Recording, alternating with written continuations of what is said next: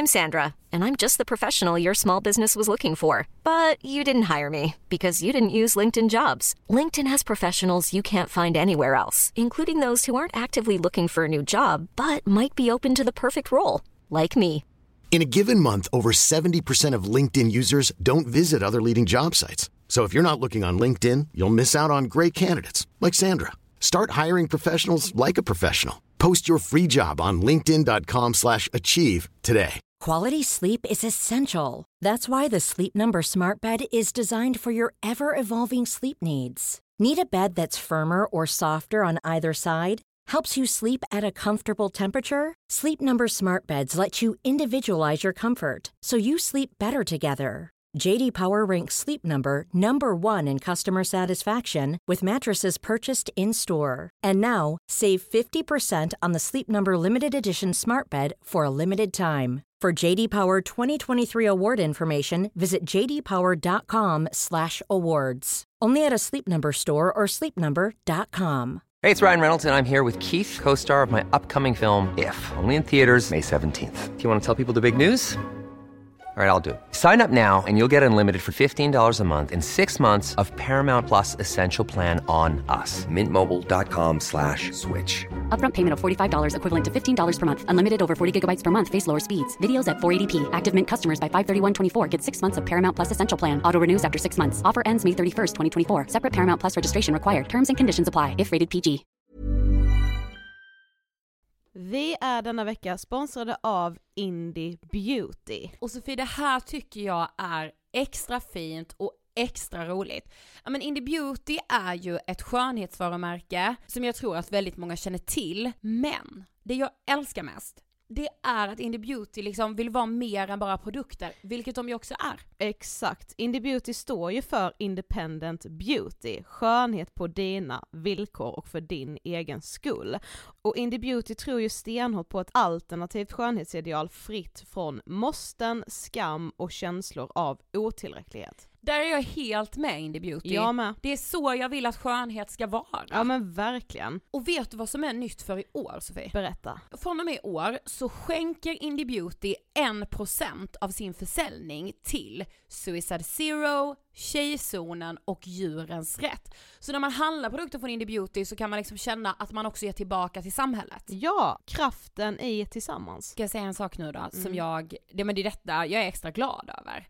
Nu har Indie Beauty tagit fram en keps och den tycker jag ändå så, på sommaren, skydda sig från solen. Jättebra, jag älskar kepsen. Men det bästa, de bidrar till Suicide Zeros viktiga arbete för att minska antalet självmord och självmordsförsök. Så, för varje såld keps så går hela vinsten, 100 kronor, direkt till Suicide Zero. Då kan man liksom göra nytta både för samhället och sin hud på en och samma gång. Ja, och kepsen kostar 169 men alltså hela vinsten går då som sagt till Suicide Zero. Mm. Så om man vill göra skillnad när man är där ute i solen, nu när den börjar titta fram, då ska man välja den här kepsen. Den säljs exklusivt på indiebeauty.se och på Apotea. Tillsammans kan vi skapa en ljusare framtid. Vi ses med kepsarna på. Tack Indie Beauty. Hej! Du lyssnar på Ångestpodden Valspecial med mig Ida Höckestrand och med mig Sofie Hallberg. Vi har sedan 2015 drivit Ångestpodden och försökt i den mån vi kan opinionsbilda i frågorna som rör psykisk hälsa och ohälsa. Inför valet i september 2022 driver vi kampanjen Tre minuter i veckan med syfte att ändra skollagen. En skolkurator med ansvar för tusen elever har tre minuter i veckan åt varje elev. Det är inte hållbart. Vi vill att man i skollagen inför ett maxtak på hur många elever en skolkurator får ansvara över. Vårt förslag är 400 elever per skolkurator. Vi har bjudit in partiledarna från alla svenska riksdagspartier för att diskutera saken med dem. Vi vill gå och rösta väl medvetna om vad partierna vill göra i frågorna som rör psykisk ohälsa, elevhälsa och Sveriges framtid. Välkomna till poddspecialen 3 minuter i veckan. I avsnitten pratar vi om en rapport vi gjort genom två omfattande enkätundersökningar. För att ta del av dem och skriva under vår namninsamling för en ändring av skollagen, gå in på 3minuter.se. Den femte partiledaren att bänka sig i Ångestpodden är Jimmy Åkesson, partiledare för Sverigedemokraterna. Sverigedemokraterna säger att elevhälsan behöver förstärkas och att man bör utreda möjligheten att integrera kunskap om psykisk hälsa och ohälsa i läroplanen. Hur ska då det här gå till? Vi börjar inspelningen med att visa vår kampanjfilm Tre minuter. Hej Jimmy och varmt välkommen till Ångestpodden. Tack så mycket. Eh, du ska få berätta, för de som inte vet, vem är du? Jag är, håller på med lite politik och så. Eh, partiledare för Sverigedemokraterna. Sen 17 år tillbaka säger de. Eh, suttit i riksdagen i 12 år nu eh, faktiskt. Eh, och eh, det är väl den jag är just nu i alla fall. Mm. Du fick ju precis se vår kampanjfilm Tre minuter. Mm. Vad känner du?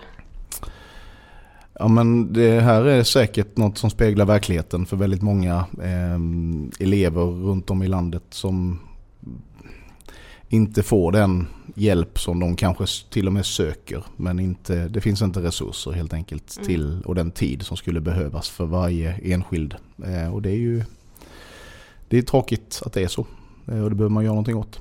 Mm. Eh, du ska få ångest på den frågan. Eh, vad tänker du på när du hör ordet ångest?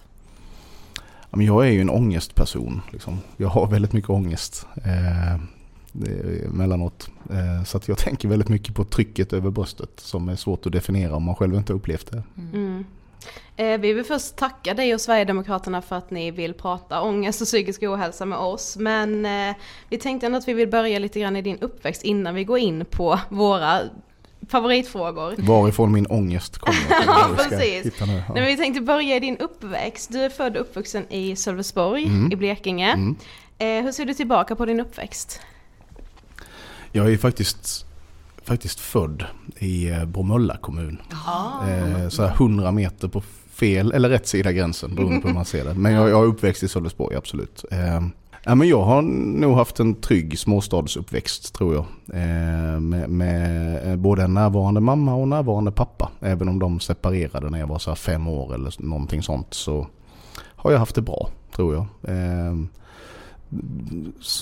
småstaden är ju småstaden och Sölvesborg är en liten stad och definitivt var den det på 80-talet när jag började skolan och sådär och alltid upplevt att det har varit en trygg tillvaro på många mm. sätt. Men när väcktes ditt liksom, engagemang för politiken? Jag vet inte. Eh, politik är ju... Alltså jag har lite svårt för människor som säger att de är så politiskt intresserade. För att det brukar vara att då teoretiserar man liksom politiken på en annan nivå än den här vardagliga. Och jag är mer så här vardagspolitiker som jag engagerade mig politiskt i samband med valet 94. Då var det skolval i skolan eh, och alla mina kompisar eh, bildade en, en eh, förening för moderat skolungdom. Och jag gick också med där som ja, det var ju som fritidsgården egentligen om man ska vara ärlig så. Det var inte så allvarligt kanske, inte för min del i alla fall. Ehm, men sen kom ju folkomröstningen om EU-medlemskapet senhösten 94. Och jag var väldigt skeptisk till svenskt EU-medlemskap. Så då började jag liksom leta ett parti som jag kände motsvarade mina förväntningar framförallt i den frågan men också i en massa andra frågor då eh, kriminalpolitiken och invandringen och sådana saker. Mm. Men idag vill vi ju främst fokusera på elevhälsan, skolan och ungas psykiska hälsa. Eh, hur fungerade elevhälsan på under din skolgång?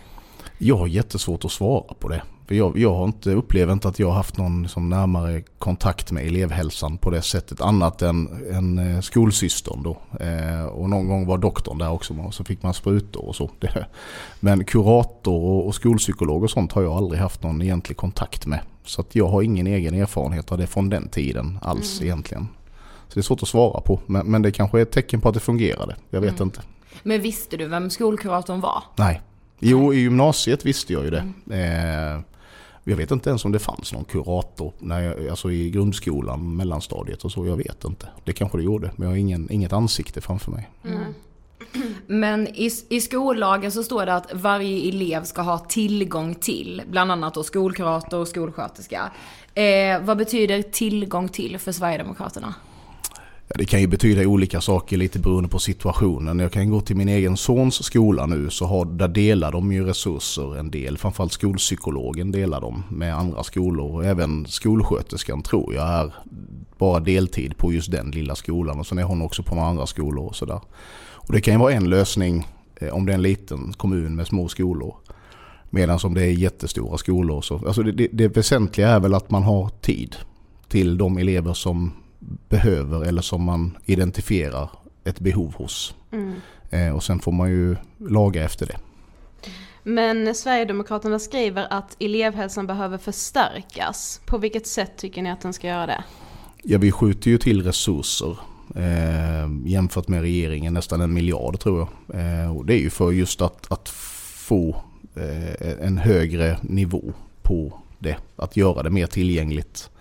Sen är det ju inte det är inte vi i riksdagen som bestämmer det här utan det gör ju primärt kommunerna sen hur de fördelar de resurserna och så. Men vi vill ju också eh, förtydliga skollagen eller de lagar som styr det här eh, med terminsvisa träffar till exempel med egentligen alla elever för att just kunna få möjlighet att identifiera behov som man kanske inte kan göra annars. Eh, om ingen, det, jag tänker mig, jag vet inte, men jag tänker mig att det är många som kanske skulle behöva prata med en kurator som mm. inte själva ta det initiativet. Och hur hittar man då dem? Ja, det kan man nog inte göra om man inte aktivt på något sätt söker det. Eh, men ni skriver också om att det behövs ett samarbete mellan elevhälsa, ungdomsmottagning, sjukvård och socialtjänst.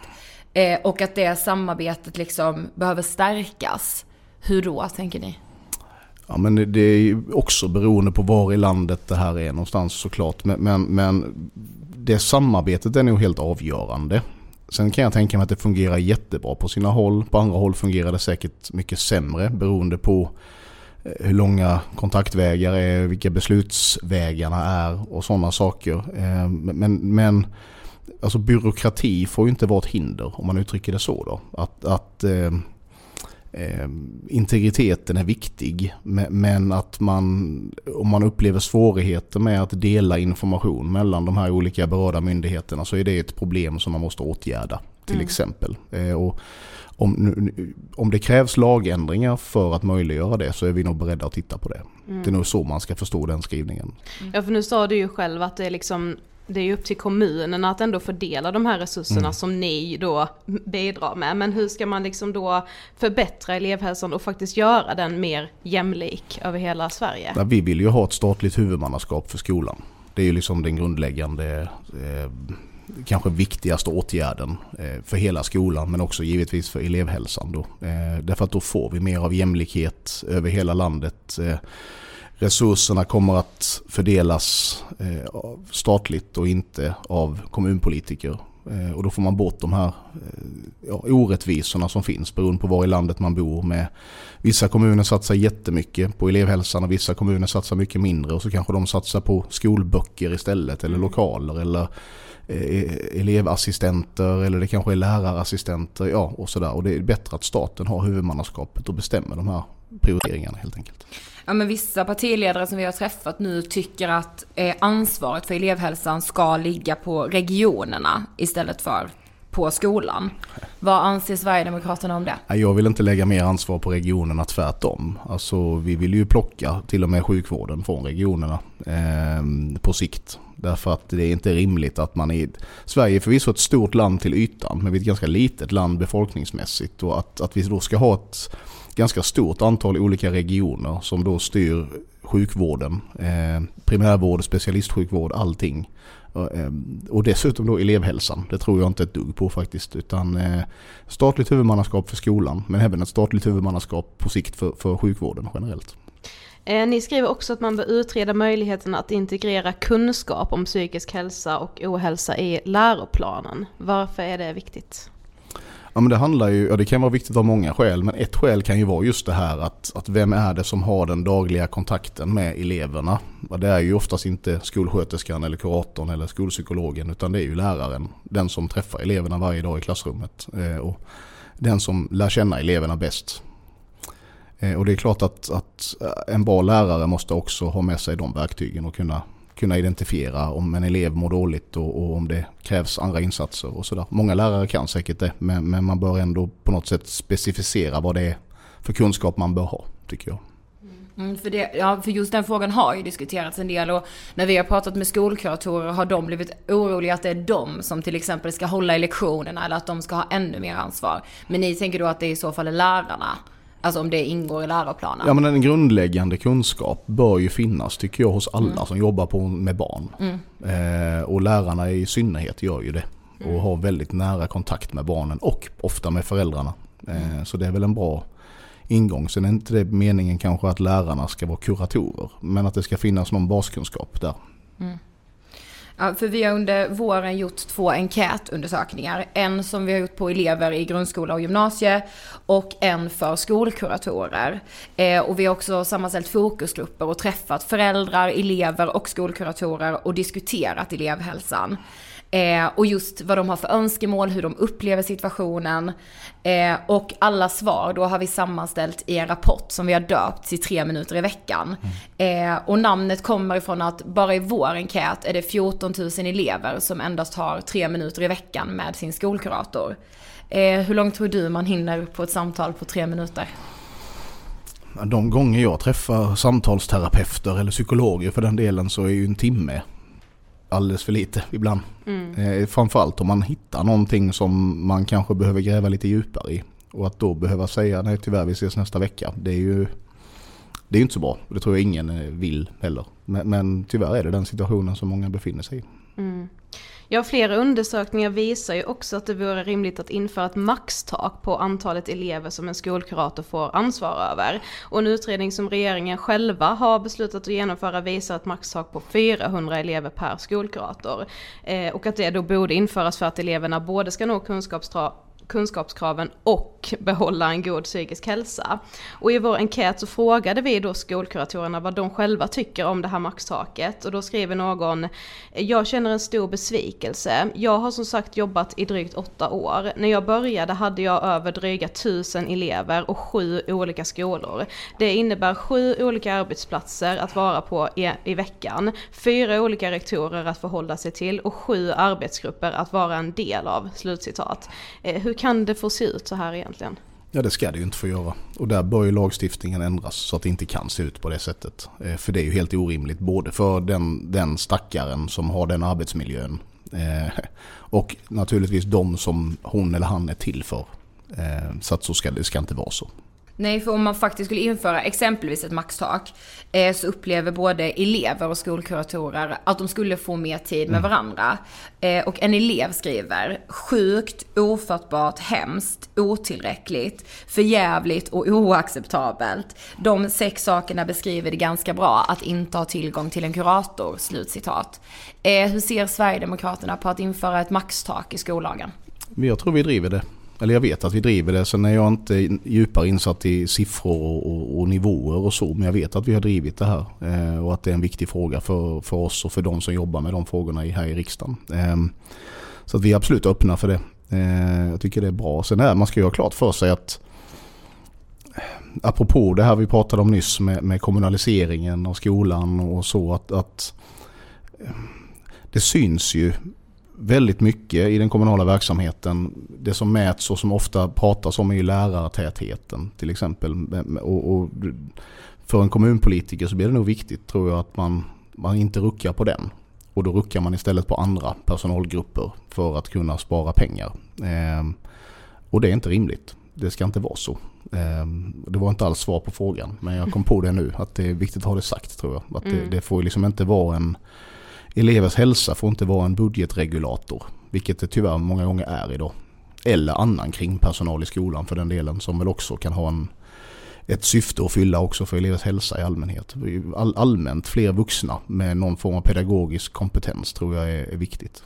Men säg att Sverigedemokraterna skulle sitta i regering efter valet nu i september. Kan vi då räkna med att ni ändå kommer titta på det här förslaget? Ja det kommer vi att göra. Mm. Eh, det kommer vi att göra. Sen är det ju tyvärr får man väl säga då, jag tror inte att vi får egen majoritet så vi kommer bestämma allting. Utan allting handlar ju om att förhandla med andra partier. Men, men vad jag upplever i mina samtal med andra här i huset och, och så är ju att det, det, det, här är en sak som många börjar förstå är ett problem. Um, så att jag skulle inte bli det minsta förvånad om man också kommer att göra förändringar uh, i det här så småningom. En annan sak som står i skollagen är att elevhälsan och skolkuratorn ska jobba förebyggande. Eh, att det egentligen är elevhälsans roll. Eh, och trots det så beskriver de flesta skolkuratorer sitt arbete som akutstyrt. Eh, tror du att en skolkurator som har ansvar för mellan 500 och 1000 elever, eller mer än 1000 elever, eh, har tid att vara ute i klasserna och arbeta förebyggande? Nej, sannolikt inte. Det tror jag inte. Eh, det finns säkert undantag. Men och framförallt på mindre skolor i mindre orter och så fungerar det säkert jättebra. Men generellt sett nej, det är klart att man inte har det. Utan då blir det ju brandkårsutryckningar eh, hela tiden. Och det är ju, gynnar ju inte heller någon. Men hur ska man då göra för att det ska bli mer liksom attraktivt att faktiskt jobba som skolkurator? För det är ju många som studerar, alltså pluggar till typ socionomer. Mm. Men man kanske idag väljer bort att arbeta som skolkurator för att man också vet att arbetssituationen ser väldigt dålig ut.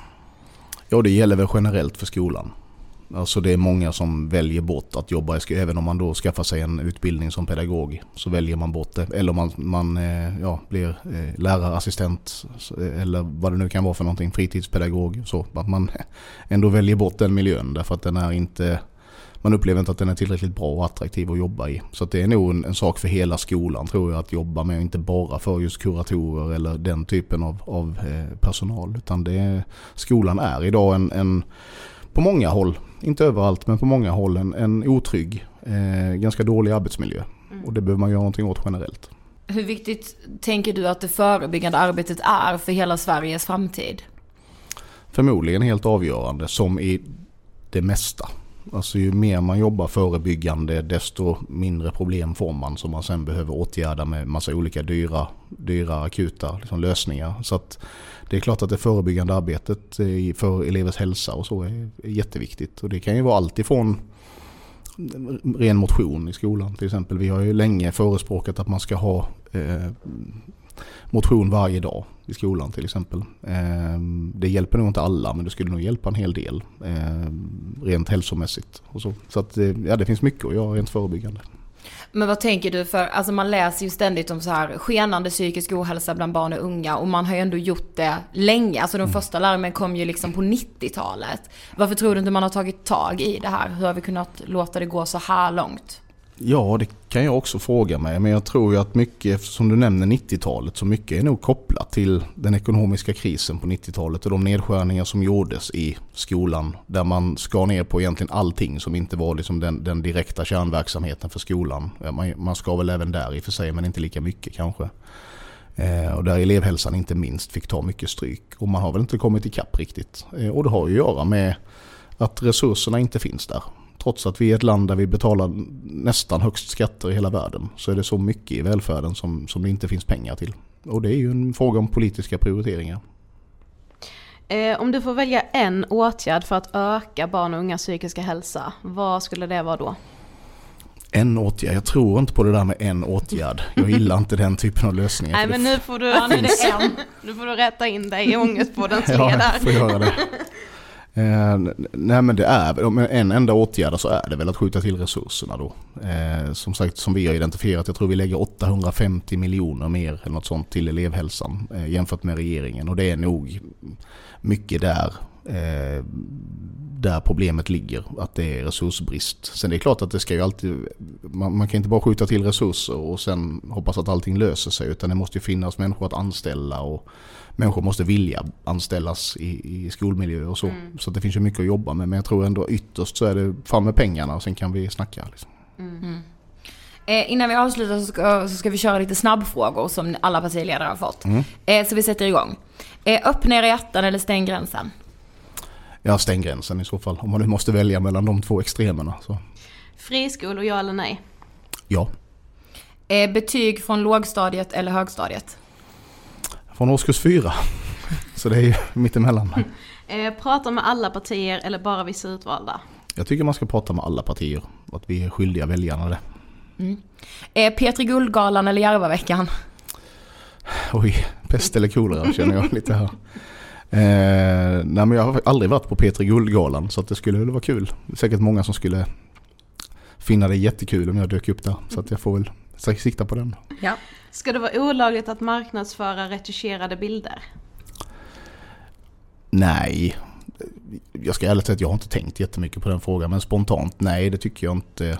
I alla fall inte generellt. Så. Vi har kikat lite för Norge har ju genomfört det för något Mm. år sedan.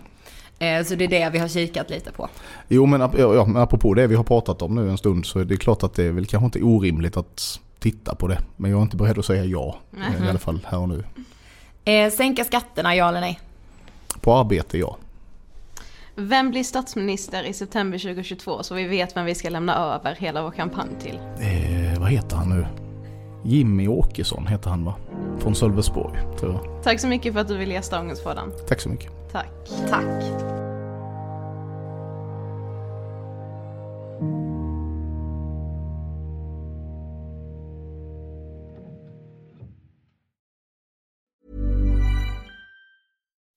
When you make decisions for your company, you look for the no brainers. If you have a lot of mailing to do, stamps.com is the ultimate no brainer. Use the stamps.com mobile app to mail everything you need to keep your business running with up to 89% off USPS and UPS. Make the same no brainer decision as over 1 million other businesses with stamps.com. Use code PROGRAM for a special offer. That's stamps.com code PROGRAM.